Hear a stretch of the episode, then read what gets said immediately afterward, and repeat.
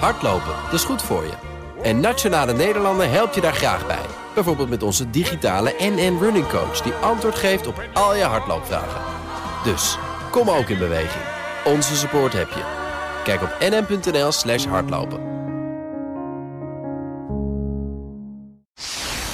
Bij deze Ruud waarschijnlijk... Sorry, ik heb echt...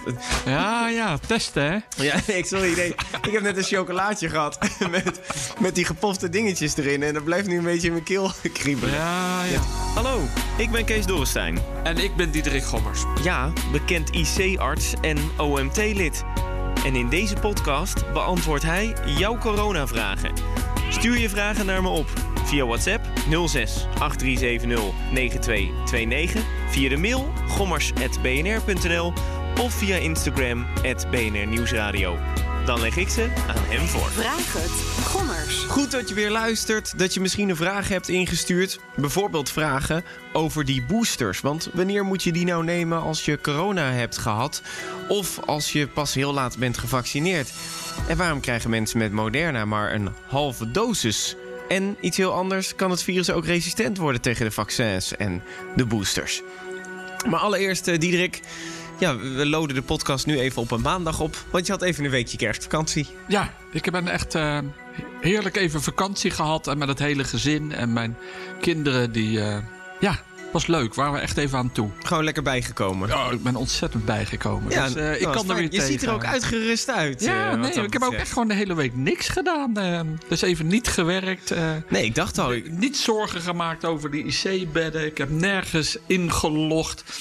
Ik heb alleen één OMT-vergadering uh, meegedaan afgelopen week. Toch even op de laptop. Ja, om even op te letten. Ja. Maar daar waren de berichten ook veel beter over de Omicron. Dus daar werd ik ook opgewekt. Echt waar? Oh, vertel, wat we de berichten beter over de Omicron? Nou ja, bedoel, de week daarvoor hadden we nog hele slechte scenario's van duizenden patiënten. Hè, als mm -hmm. gevolg van de Omicron. Afgelopen week was natuurlijk de uh, berichtgeving uit Zuid-Afrika, maar ook uit Engeland en uit ja. Denemarken, dat die Omicron toch minder ziekmakend is. Er is nog wel heel veel verschil. Hè. De, in Zuid-Afrika hebben ze over 80% minder ziekmakend.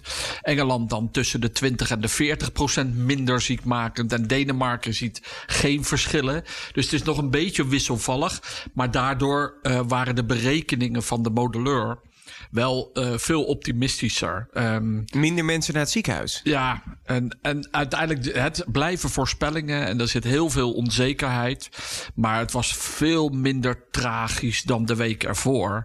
Nou, dat gaf mij wel weer een beetje. Nou, goede hoop eigenlijk. Ja, dus, dus we verwachten nog steeds, hè, de Omicron zal zich nog steeds uh, sterk verspreiden. Ja, die heeft het waarschijnlijk en er zullen waarschijnlijk ook meer ja. patiënten naar de ziekenhuizen en naar de IC komen.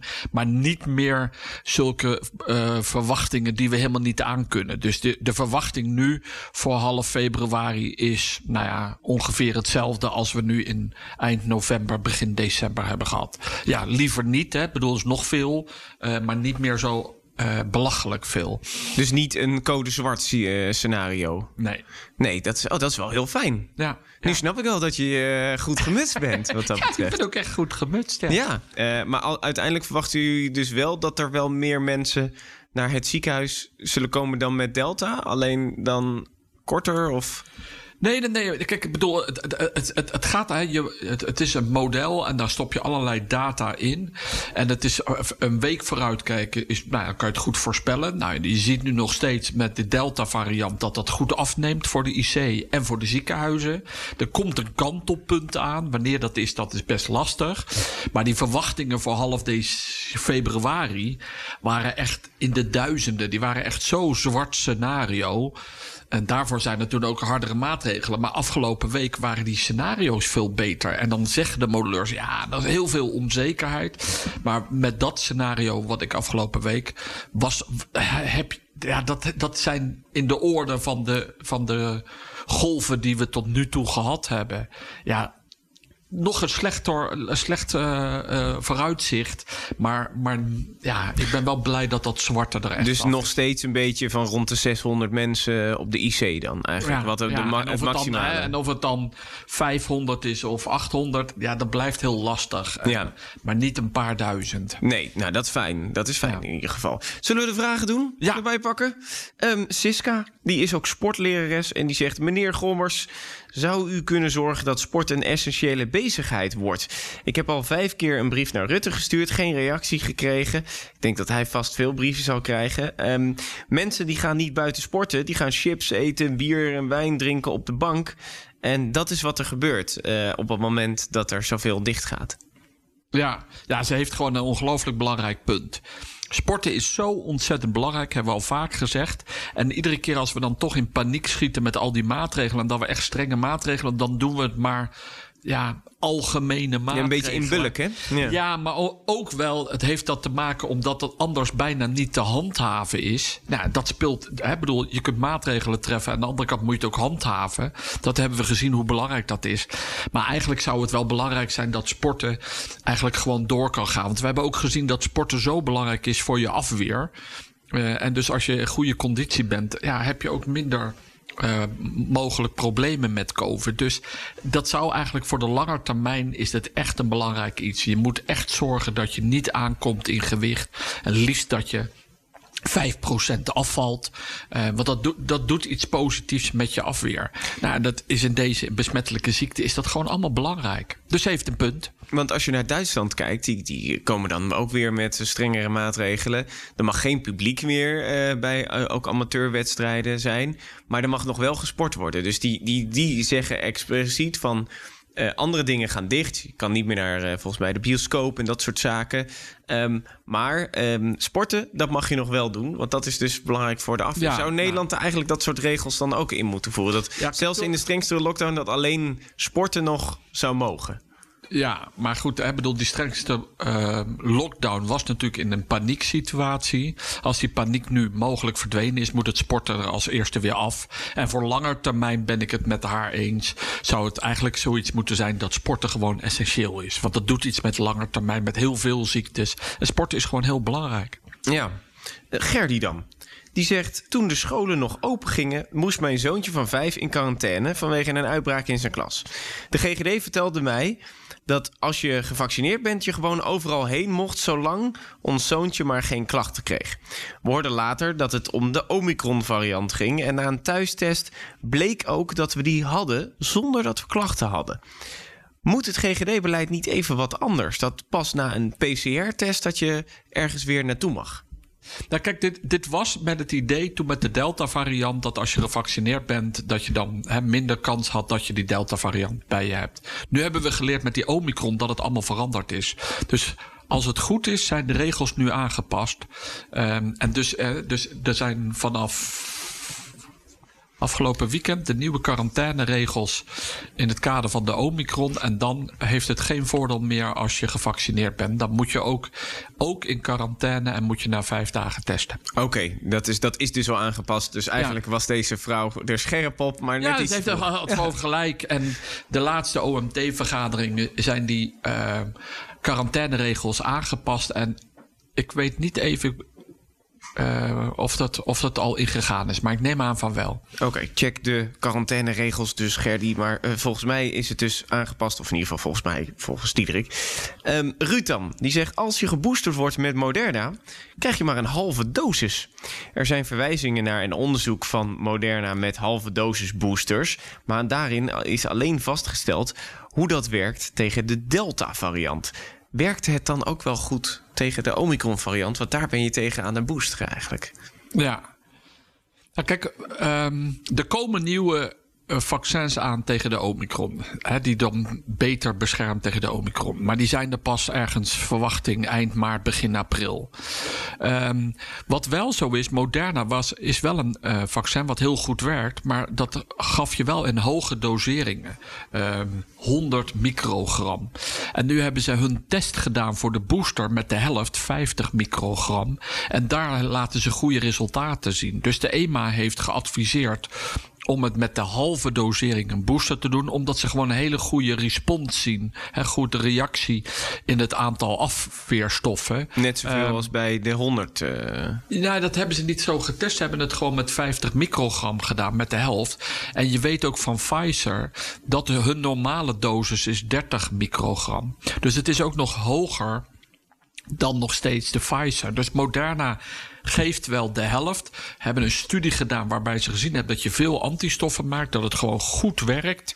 Um, mogelijk heeft het een voordeel dat je misschien wat minder bijwerkingen hebt, maar dat moeten we nog zien. Hè. Bijwerkingen worden gemeld bij LAREP, ook voor de booster. Um, maar, maar het is gewoon, het heeft een goede uh, antistoffenopbrengst en daar gaat het uiteindelijk om. Uh, vandaar. Dus uh, Ruud, uh, het is getest. Het is dus nog niet op Omicron getest. Dat is het. Dat nee, is nee, het is nog niet op Omicron. En wat we alleen nu met de Omicron zeggen is dat het belangrijk is dat je zo hoog mogelijk in je antistoffen zit. Je hebt meer antistoffen nodig om de Omicron te inactiveren. Um, en het werkt dus het, de, de, de, je normale, hè, normaal als je gevaccineerd bent, volledig gevaccineerd bent, over de tijd nemen je aantal antistoffen nemen af. Betekent ook wel weer op het moment dat je contact krijgt met het virus, gaat, het weer, gaat je lichaam weer antistoffen aanmaken. Maar omdat het minder effectief is, die antistoffen van de Delta-variant, is er nu gezegd: ja, je moet eigenlijk hoog zitten in je antistoffen, zo hoog mogelijk. Want dan werkt het uh, ook wel tegen de Omicron. Het is alleen minder effectief. Dus ja. daarom uh, gaan we met z'n allen boosteren. Vandaar. Um, dus bij deze Ruud waarschijnlijk. Sorry, ik heb echt... Ja, ja, testen, hè? Ja, ik, sorry, nee. ik heb net een chocolaatje gehad met, met die gepofte dingetjes erin. En dat blijft nu een beetje in mijn keel kriebelen. Ja, ja. ja het is kerst, dus hebben we kerstchocolaatjes. Ja. Ruud, in ieder geval, um, het is dus al een hogere dosis dan Pfizer. Ron en Marijke. Pas op, hè, Diederik, je eet nu ook dat chocolaatje. Voordat je het weet ben je net zo hard aan het hoesten. Ron en Marijke zeggen: iedereen heeft het over een boosterprik. Gevaccineerd of besmet geweest, kun je deze na drie maanden halen. Ik ben zelf ook gevaccineerd, maar heb in november ook nog corona gehad. Nu moet ik dus tot eind februari wachten voordat ik de booster kan gaan halen. Ben ik tot die tijd wel voldoende beschermd? Ja, wat een goede vragen deze week. Um, ja, kijk, boosteren betekent eigenlijk dat je opnieuw contact bent, dan wel met het vaccin of met het virus. Um, als zij dus COVID heeft gehad, heeft ze dus opnieuw haar lichaam antistoffen gemaakt tegen het, uh, tegen het, uh, tegen het virus. Uh, dus ze, is, ze heeft als je bij haar antistoffen gaat meten, heeft ze meer antistoffen. En dan werkt het ook goed tegen de Omicron. Wel is belangrijk dat ze gezegd hebben. Maar het is wel dat je je booster toch nog moet halen, omdat je iets meer antistoffen maakt tegen het vaccin dan tegen een natuurlijk beloop van een COVID-infectie. Um, en ze houden ook die drie maanden weer aan. Dus nadat je ziek bent geweest en je hebt het positief bevestigd met een PCR-test, dan moet je drie maanden wachten voor je booster. Maar je moet hem wel gaan halen. Ja, dus wel in februari. Maar in ieder geval die vraag: ben je in die tijd goed genoeg beschermd? Dat is dus een ja, begrijp ik. Ja, want je verwacht op het moment dat jij opnieuw een infectie hebt, dat je gewoon weer antistoffen maakt. En, en het is weer een herkenning van je afweer. Hé, hey, wacht even, er is weer virus in mijn lichaam. Dus ze maak je antistoffen, je geheugencellen worden weer geactiveerd. Dan maak je weer veel antistoffen. Jannie en Adinda hebben hier ook een vraag over. Die hebben in oktober en november corona gehad. Die vragen: moet ik dan ook wachten op mijn booster? Ja, ook weer diezelfde drie maanden. Dus als het weer een bewezen infectie is met een positieve PCR, dan moeten ze drie maanden wachten. En, en is het schadelijk op het moment dat je dan niet wacht? Of? Nee, maar ik denk uh, dat je in het systeem staat. Um, dus er wordt echt, hè, er wordt echt geadviseerd om drie maanden te wachten. Um, dus ik denk als je, als je geregistreerd staat, want je PCR-test staat ook geregistreerd, dat het gewoon niet lukt. Nee, dan krijg je hem gewoon niet. Nee. Um, en dan heeft Ida, die zegt 2 december was mijn derde vaccinatie. Uh, ik heb kanker en zit dus in een kwetsbare groep. Welke voor- of nadelen of risico's heeft het als ik nu mijn boostervaccinatie zou krijgen? Het is me tot nu toe niet gelukt om hierover informatie te vinden. Ik denk dat zij zich ook een beetje zorgen maakt. Dat ze heeft ja. kanker, dus ze zit in een kwetsbare groep. Ja, dus de, deze mensen waren onvoldoende beschermd. En daarvoor hebben ze een derde prik gekregen. Maar dat past eigenlijk in hun basisvaccinatie. dus voor gezonde mensen had je twee prikken of één prik bij Janssen. Dat was je basisvaccinatie. En dan haalde je de booster. Voor deze mensen met een onderliggende ziekte, helaas heeft deze mevrouw kanker, uh, die hebben dus drie prikken gekregen als hun basis. En dus na de laatste prik moeten ze weer ook drie maanden wachten voor de booster. Dus als zij de 2 december, dan moet zij wachten tot 2... Januari, februari, maart, eh, dus april dan. Even nee, nee. Nee, december is Januari, februari, maart. Dus 2 maart, 2 maart kan zij de booster halen. 2 maart, dus uh, Ida. Uh, en tot zover ja, ik weet niet precies hoe het in jouw situatie zit, want je bent een kwetsbare groep natuurlijk. Maar je moet in ieder geval die drie maanden wachten. En doordat je nu net geboosterd bent, heb je ook weer nieuwe nee, bescherming. Nee, ze is niet geboosterd. Ze heeft, of, een derde, de derde prik, prik, ja. En dat, eh, dus voor haar is Deze dat een verschil. ja, de, voor haar is dat de basis. Mm -hmm. Dus mensen met een onderliggende ziekte die na twee vaccinaties te weinig antistoffen maakten, die hebben een derde prik gekregen. Maar dat is hun basis. Oh. Die derde prik noem je bij hun geen booster. Dat is, zij hadden meer vaccin nodig om gewoon gewoon antistoffen te maken. En dus na hun derde prik om te boosteren moeten zij ook drie maanden wachten. Vandaar het verschil tussen derde prik en booster, ja. inderdaad. Ja. Dus haar booster, daar moet ze nog eventjes op wachten. Tony, die zegt, misschien heb ik het gemist... maar als de boosterprik uh, wordt gezet... is dat dan precies dezelfde prik als een gewone vaccinatie? Ja, Gek eigenlijk, hè? Ja, het zijn gewoon dezelfde vaccins. Um, het is minder belangrijk of je precies hetzelfde type wat je al gehad hebt hè, voor je volledige vaccinatie. Je mag wisselen van vaccins, maar de vaccins zijn hetzelfde. Alleen we hebben het net over gehad dat Moderna heeft dan hun dosis gehalveerd. Hè, dus in plaats van 100 microgram uh, voor de booster geven ze nu 50 microgram. En uh, Berto, die reageert ook nog die over zijn vrouw. Die heeft kanker gehad. Een beetje dezelfde situatie als Ida. Die heeft haar derde prik op 10 oktober gehad. Dus die vraagt zich dan ook van... moet ik me nu aanmelden voor de boosterprik? Uh, ja, dat antwoord is ja. Hebben we ja, ze moeten aanmelden. En ja. zij is gelukkig al 10 januari dan aan de beurt. Ja, precies. Dus uh, Berto, jouw vrouw is uh, 10 januari aan de beurt. Dat betekent dat je die nu al mag aanmelden, volgens mij. Ja. Want uh, als je wat... Ik ga een beetje ervan uit dat, die wat, dat de vrouw wat ouder is. Ik weet niet of dat klopt, maar de meeste oudere groepen die mogen zichzelf nu al uh, aanmelden. Ouder in vergelijking met mezelf, want ik ben 35. Nee, dus oud is, is relatief. Is al snel iedereen ouder, hè? Ja, dat, precies, daarom. Ja, ja dat, kijk, dat is in mijn voorbeeld. Ouder in vergelijking met jou is, is dan weer, is, is al, dan weer al bijna een 60 minder, plus. Is al een ja. stuk minder.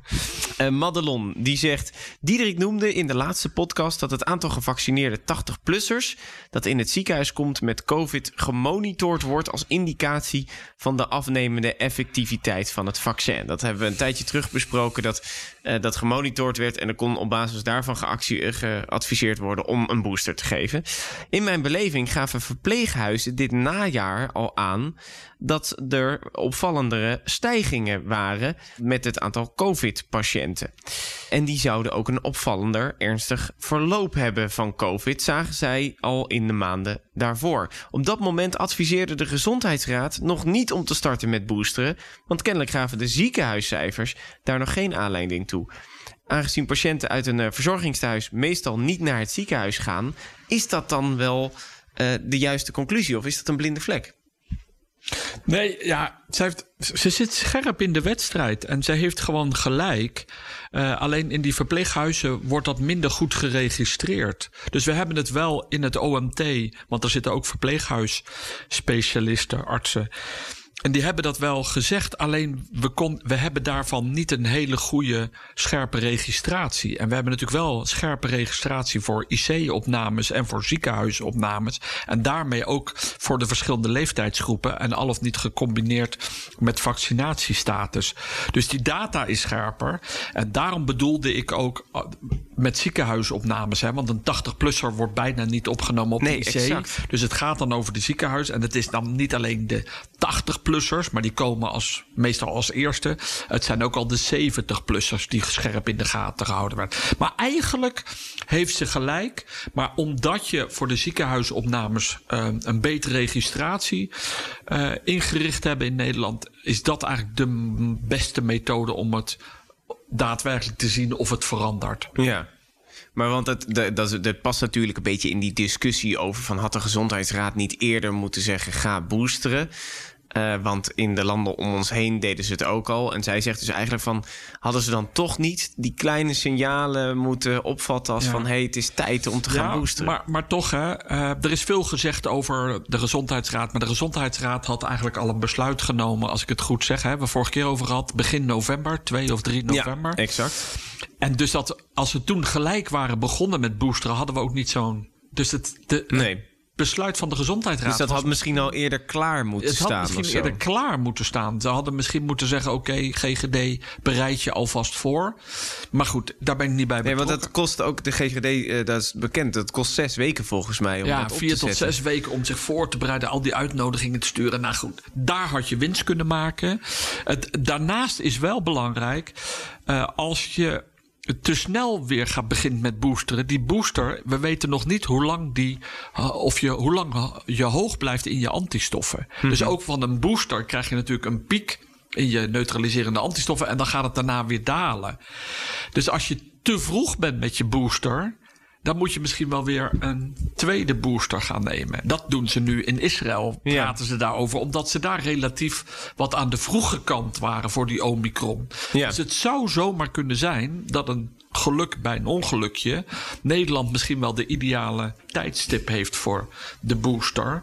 Omdat je die piek van die Omicron verwacht je, je eind januari, begin februari. Dan moet je zorgen dat iedereen zo hoog mogelijk in je antistoffen zit. Als je dan al in oktober bijvoorbeeld was begonnen met je boosteren, dan was februari alweer uh, bijna vier maanden, drieënhalf, vier maanden later. En dan had je weer misschien weer minder uh, in je antistoffen gezeten. Dus het is een beetje, nou ja, passen en meten. Maar de GGD was fijner geweest als ze iets eerder hadden kunnen starten met het boosteren en in iets groter tempo in het begin. Ja. Maar goed, nu gaat het beter. Maar dat is ook even afwachten of we dan toevallig mazzel hebben of uh, Ja. wat, wat de conclusies achteraf zijn. Ja. Ehm, dan toch een interessante vraag van Annette. En die gaat dan over een virusresistentie ontwikkelen tegen een vaccin. En of dat zou kunnen, net zoals dat je dat tegen antibiotica kan ontwikkelen. Um, en dan zie ik een, de Omicron-variant altijd maar als een, uh, een stukje broccoli. Dat er anders uitziet. Je kent het in de supermarkt, die zien er allemaal anders uit. Ja, ik zie je gek kijken. maar Wat een voorbeeld nou weer. Ja, maar kan het niet zo zijn dat um, omdat dat uh, vaccin gemaakt is tegen dat ene stukje broccoli... en dat dat andere stukje broccoli zo anders is ontwikkeld... dat hij niet meer tegen die specifieke gekke pootjes met die bobbeltjes uh, erbovenop antistoffen aanmaakt? Ja. Nee, vind je, vind je dat geen goede vergelijking eigenlijk? Nou ja, goed. uh, um, nee, maar kijk, de mutaties zitten vooral in die spike-witten, in die pootjes, in jouw broccoli-pootjes. Mm -hmm.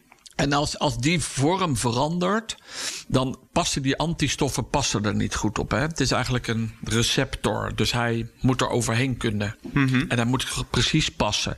En als je daar dus veranderingen krijgt, en die veranderingen zijn mutaties, dus de samenstelling in die bouwstenen, dan past die antistof minder goed. En dan, daardoor wordt dat virus minder snel uitgeschakeld. Ja, want hij, hij is specifiek ah. tegen bepaalde pootjes. Ja, ja, dus hij past er minder goed op.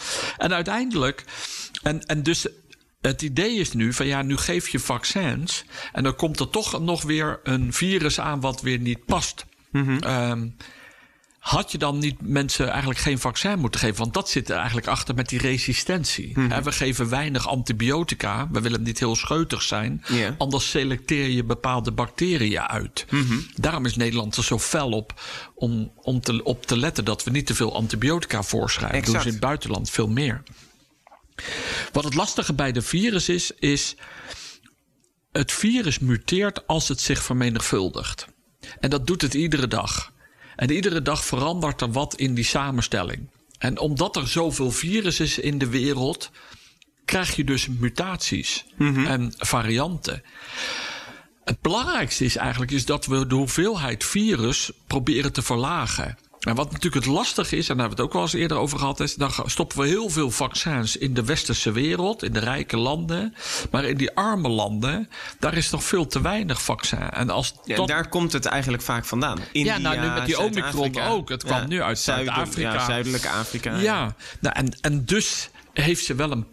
Nou, dat is ons gevaar nu. Eigenlijk, als je, als je effectief wil vaccineren, moet je de hele wereld vaccineren. En moet je proberen, want op het moment dat je een vaccin hebt, dan heb je minder virus. En als je minder virus hebt, kan het zich verminder vermenigvuldigen. Op het moment. Eh, het heeft het lichaam, het heeft de mens nodig om zich te vermenigvuldigen. Kan ook in een dier, maar laten we nou even zeggen de mensen.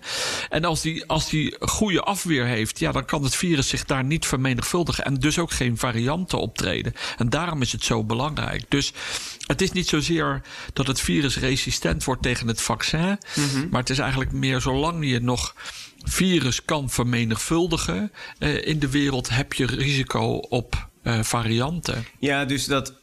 Het is niet zozeer dat ze een andere variant worden door het vaccin, maar Nee. doordat ze vermenigvuldigen eigenlijk. Om het... Ja, ja, omdat, Samen omdat het zeg maar nog te veel mensen zijn in de wereld die, waarin het virus kan overleven, dan heb je dus risico ehm, dat, dat er dus varianten optreden. Nee, exact. Ja, dit, is, dit komt dan vaak ook een beetje eh, vanuit een column die dan in, eh, in de trouw eh, stond. En daar werd dat een beetje ook gezegd van ja, ehm, kan het niet zo zijn dat de, je weer juist allemaal mutaties krijgt doordat je zo aan het vaccineren bent, iedereen. Ehm, maar als je dan kijkt waar die mutaties zijn ontstaan, de Delta-variant die ontstond al voordat er überhaupt gevaccineerd werd. En die Omicron-variant is juist ontstaan in een gebied waar heel weinig is eh, Ja. gevaccineerd. Dus dat gaat er nog niet heel erg eh, bij op. Op het moment dat je straks in Nederland in één keer een mutatie krijgt. Eh, waar wij een hele hoge vaccinatiegraad hebben, dan kunnen we best gaan kijken: hey, hoe, hoe kan dat? Maar de tot nu toe ontstaande mutaties vaak op een gebied, ook de Alpha-variant is ontstaan toen er nog niet heel veel werd gevaccineerd in Groot-Brittannië. Want toen waren ze pas net begonnen met die AstraZeneca-prik. Ja. Robert die zegt dan, bij mutaties, daar, we blijven er even bij, van die spikes. Ik zal niet, nooit meer mijn broccoli-vergelijking gebruiken bij deze. ik zag je zo moeilijk kijken net. Dat was geen goede vergelijking. Oké. Ehm, eh, die zegt, ehm, er wordt vaak naar die mutaties van die spikes gekeken. Maar ik hoor eigenlijk nooit wat over de mutaties van het genoom. Het genetisch materiaal in een soort van de celkern van het virus. Verandert dat ook? Overal waar je die bouwstenen hebt, waar die mRNA zit, kun je veranderingen krijgen.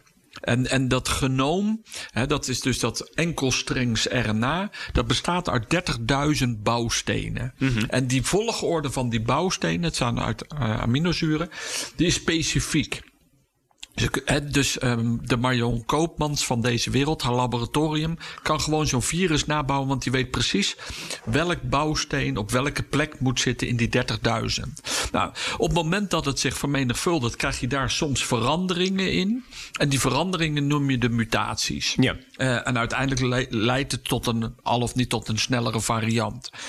Ehm, dat centrale genoom, ehm, daar gebeuren ook mutaties in. Ongeveer twee per maand, eh, dus maar heel weinig. Je ziet vooral aan die uiteinden van dat mRNA, waar die, waar die, De eh, spikes die zitten? spike-eiwitten zitten, daar zie je de meeste veranderingen. Maar daar reageren ook je antistoffen op. Dus als daar veranderingen optreden, dan passen die antistoffen ook minder goed. Eh, en en daar, dat is het aangrijpingspunt van onze antistoffen om een virus uit te schakelen. Ja. Dus dat merken we direct. Ehm, maar, maar, maar de mutaties kunnen dus ook in het grote genoom, in het centrale RNA plaatsvinden. Ehm, en dat, dat, houden ze in de gaten. Dus daarmee kun je stammen vergelijken met elkaar. Dat noemt eigenlijk verschillende Dus- stammen. Maar dat valt ook minder snel op, omdat onze antistoffen sowieso al wel tegen dat genoom. eh, Tegen dat spijkeiwitten Ja. eigenlijk zitten. Dus Ja. aan het laatste stuk van het, eh, van het genoom. Want als je dan kijkt naar de Omicron-variant, ik ben er ook even ingedoken. Daar, heb je, daar zijn dus altijd 32 veranderingen in die spike, ehm, daar, in dat eiwit. Maar er zaten 50 veranderingen sowieso in totaal op. Dus er zitten nog 18 veranderingen in de celkern. Dus in die uh, genoom. In de genoom, uh, ja. dus bij deze Robert, ja, je hoort er alleen wat minder over, omdat het sneller opvalt op het moment dat die spikes veranderen. Want daar gaan de antistoffen tegen. Uh, over het algemeen. De natuurlijke antistoffen die gaan ook tegen het genoom, volgens mij. Ja, tegen het kapsel kan weer. Oh, ja. Alles wat aan de buitenkant zit, daar kan je antistoffen tegen. Ja, niet tegen de binnenkant. Uh, nou ja, dat is weer lastiger. Dat wordt dan. Dat is meestal weer ingepakt. Precies. Cuny, een hele andere vraag. Wel interessant. Zij zegt: Is het geen idee als de intensivisten even om tafel gaan zitten met het ministerie van Onderwijs. Want daar komt veel meer geld op tafel. Ook bijvoorbeeld om de studieschuld uh, aan te pakken. En dat ze gaan praten om de studieschuld die verpleegkundigen hebben gemaakt voor hun eerste opleiding. Om die kwijt te schelden uh, als ze nu een opleiding voor IC-verpleegkundigen gaan volgen. Want zo krijg je uiteindelijk ook veel meer mensen die op de IC kunnen werken. Ja, ik, ik, ik vraag me alleen af precies hoe het ook weer met die studieschulden zit. Ja, uh, want sommige. Daar moeten de... nog überhaupt regels voor komen. Ja, maar dat zal vooral voor studenten. Voor universitaire studies en HBO-opleidingen. Ja. Maar is dat ook voor verpleegkundigen dan? Want ik, volgens mij heb je is, ook. Is de IC-opleiding HBO? ziekenhuizen. Ja, ja dat, zal wel, dat zal wel een studieschuld zijn. Ja, dat, maar dat ik vind best. het sowieso een heel goed idee. Um, en waarschijnlijk worden de bestuurders nu boos. Um, dat we die, die studieschulden gaan betalen. Wij willen natuurlijk, wij hebben echt veel personeel nodig. We moeten echt groeien in ziekenhuis. He, de zorgvraag wordt groter. We hebben gewoon veel meer personeel nodig. We, wij moeten ook als werkgevers ons best doen. Uh, om het werk nog aantrekkelijker te maken. Maar alles wat helpt om meer verpleegkundigen. En vooral in mijn geval dan IC-verpleegkundigen te Ja, dat is, dat is een goede oplossing. En als dat dus is het kwijtschelden van uh, studieschulden. Ja, dan ben ik een groot voorstander. Ja, als we dan wel even een andere studie gaan doen dan, hè? Dus dat ze dan Als ze die. IC-verpleegkundige opleiding gaan doen. Ja. ja. Dus dat maar dan ze... moeten we ook jonge mensen hebben die verpleegkundigen. Kan, wij kunnen niet alle verpleegkundigen opleiden tot IC-verpleegkundigen... en dat we dan te weinig verpleegkundigen hebben. Ik bedoel, een ziekenhuis is niet alleen IC. Je hebt iedereen nodig. Ook schoonmakers en mensen van het vervoer en logistiek. En... Dus dan zou het ook een optie gewoon kunnen zijn... van als jij studieschulden maakt uh, voor jouw studie verpleegkunde... en je haalt hem, dan kunnen we die best kwijtschelden... als je Ik dan zou heel het mooi vinden als dat, als dat kan. Um, ik, ik, ik weet helemaal niet of, hoe, over wat voor bedragen je dan praat. Nee, ik ook niet. Maar kijk, er wordt altijd lastig gedaan over dan het verhogen van uh, de Salaris, salaris en ja. dat soort dingen. Kijk, dit zijn ook incentives. Dat levert dan ook financieel Ja, nee, op. daarom. Dus dit, is een, dit Ja. komt dan uit een ander potje. En dat hoef je niet structureel te doen. Dat is gewoon bij één eh, eh, eh, mooi persoon zijn, één keer. Ja. ja. Ehm, Shanna, die zegt... Ik las dat het Novavax-vaccin een emergency use status heeft gekregen. Dat is dat nieuwe vaccin dat eh, op basis van gewoon... dat is het traditionele vaccin, om het maar zo te zeggen. Wat betekent eigenlijk die emergency use status? Vraagt ze zich af. Ja, medicijnen die zeg maar, wat wel al, waar ze wel alle studies al gedaan hebben, maar waar ze nog niet helemaal klaar zijn met het al die papieren doornemen, dat je dan zeg maar wel al mag gebruiken omdat je de eerste bevindingen hartstikke goed zijn. Dus wat doen doen we vaker bij medicijnen. Um, en in dit geval is dit natuurlijk een, um, een vaccin wat op een andere manier gemaakt is. He, dus we hebben al vaccins. Hmm. En als er nou nog om, nu een nieuw mRNA-vaccin zegt, ja, daar, daar, daar hebben we er al twee of drie van. Maar, maar in dit geval, dat Novavax, is, is natuurlijk een, een, een vaccin wat gebaseerd is op eiwitten, verschillende eiwitten, gezuiverde eiwitten. Maar dat vaccin, zo'n type vaccin hebben we nog niet. Uh, nou, er is wel al goed gekeken of het veilig is. In Amerika is het ook al, uh, ja, heeft die status dan ook al. zeg je van luister eens, oké, okay, in dit geval um, mag je dit uh, vaccin al eerder uitgeven en mag het gebruikt worden door artsen. Of in dit geval door patiënten die zich willen laten vaccineren met Novavax. Ja, dat tot slot reageert Iris hier ook op deze ontwikkeling en die zegt... Um, waarom mag die nog niet als booster gegeven worden? Ja, omdat dan weer belangrijk is, is je moet wel resultaten weten we hebben het nog niet als basisvaccin gebruikt. En je weet dus dan nog niet zo goed. Als booster heb je nog niet getest. Je hebt het als basis, ga je het nu gebruiken. Dus ja, booster is als een gevolg daarvan. He, dus de, de, wat je moet eerst over- de basiskennis ja, je moet hebben. eerst de basisgegevens hebben. Ja, dat gaan we nu. We gaan nu Novavax inzetten in Amerika en andere landen. Daardoor krijg je basis. Heb je data, hoeveel antistoffen en hoe werkt het vaccin. Ehm, daarna kan je pas de booster testen. Of of in de studie die ze gedaan hebben om hun basis te testen, die mensen kunnen ze, als ze dan drie maanden wachten, het booster geven. Maar die mensen zullen waarschijnlijk nog niet al drie maanden geleden de laatste eh, Novavax gehad hebben. Nee, dus het is ook zo, de booster, die geven ook niet voor niks. Daar is ook weer een studie over Ja, er is altijd een studieverband. Hè? Dus in die mRNA-vaccins hebben ze natuurlijk mensen eh, de booster gegeven. eh, in, dit, in de studie zes maanden na de basisvaccins. En toen hebben ze gekeken wat de opbrengst was in eh, antistoffen. En ook gekeken naar bijwerkingen. Nou, dat hebben ze getest. En die studieresultaten lever je in bij de EMA. En die kijkt er dan naar. Bij Novavax hebben we hebben we die gegevens nog niet. Dus daarom kun je nog niet inzetten als booster. Bij deze lijkt me duidelijk eigenlijk. Zonder onderzoek niet zomaar indienen of Nee. eh, geven of eh, eh, inprikken of hoe je het wil noemen. Heb je zelf een vraag? Dan kan je die natuurlijk sturen naar het nummer dat je aan het begin van deze podcast hoort. Of stuur een mailtje naar gommers.bnr.nl. Dan zet ik hem op de lijst en dan bespreken we hem de volgende keer gewoon weer. Diederik, jij gaat weer tot en met oud en nieuw en verder ben je weer druk aan het werk, denk Ja. ik, of niet? Ja. Jeetje. Nou, goed toch? prima. Dus eh, Ja? ik vind het niet erg om te werken hoor. Het is, eh, Ik ben uitgerust, dus ik kan er tegen. Ja, zeker. Ga je dan nog wel oliebollen regelen voor... eh, Ja, die Voor de collega's? wel zelf. eh. Echt waar? Ja. Bak je die zelf voor de collega's? Oh nee, dat- zo heb ik het nog nooit Oh, gedaan. alleen voor thuis. Je, ho, ho, niet voor mijn hele Kees, afdeling. pas op. Sta ik dadelijk, weet ik veel hoeveel oliebollen te bakken voor al die verpleegkundigen. Ja, misschien en moet je ook maar gewoon werken op die. C en niet oliebollen bakken natuurlijk. Dat is ook zo. Nou, tot de volgende. dokters.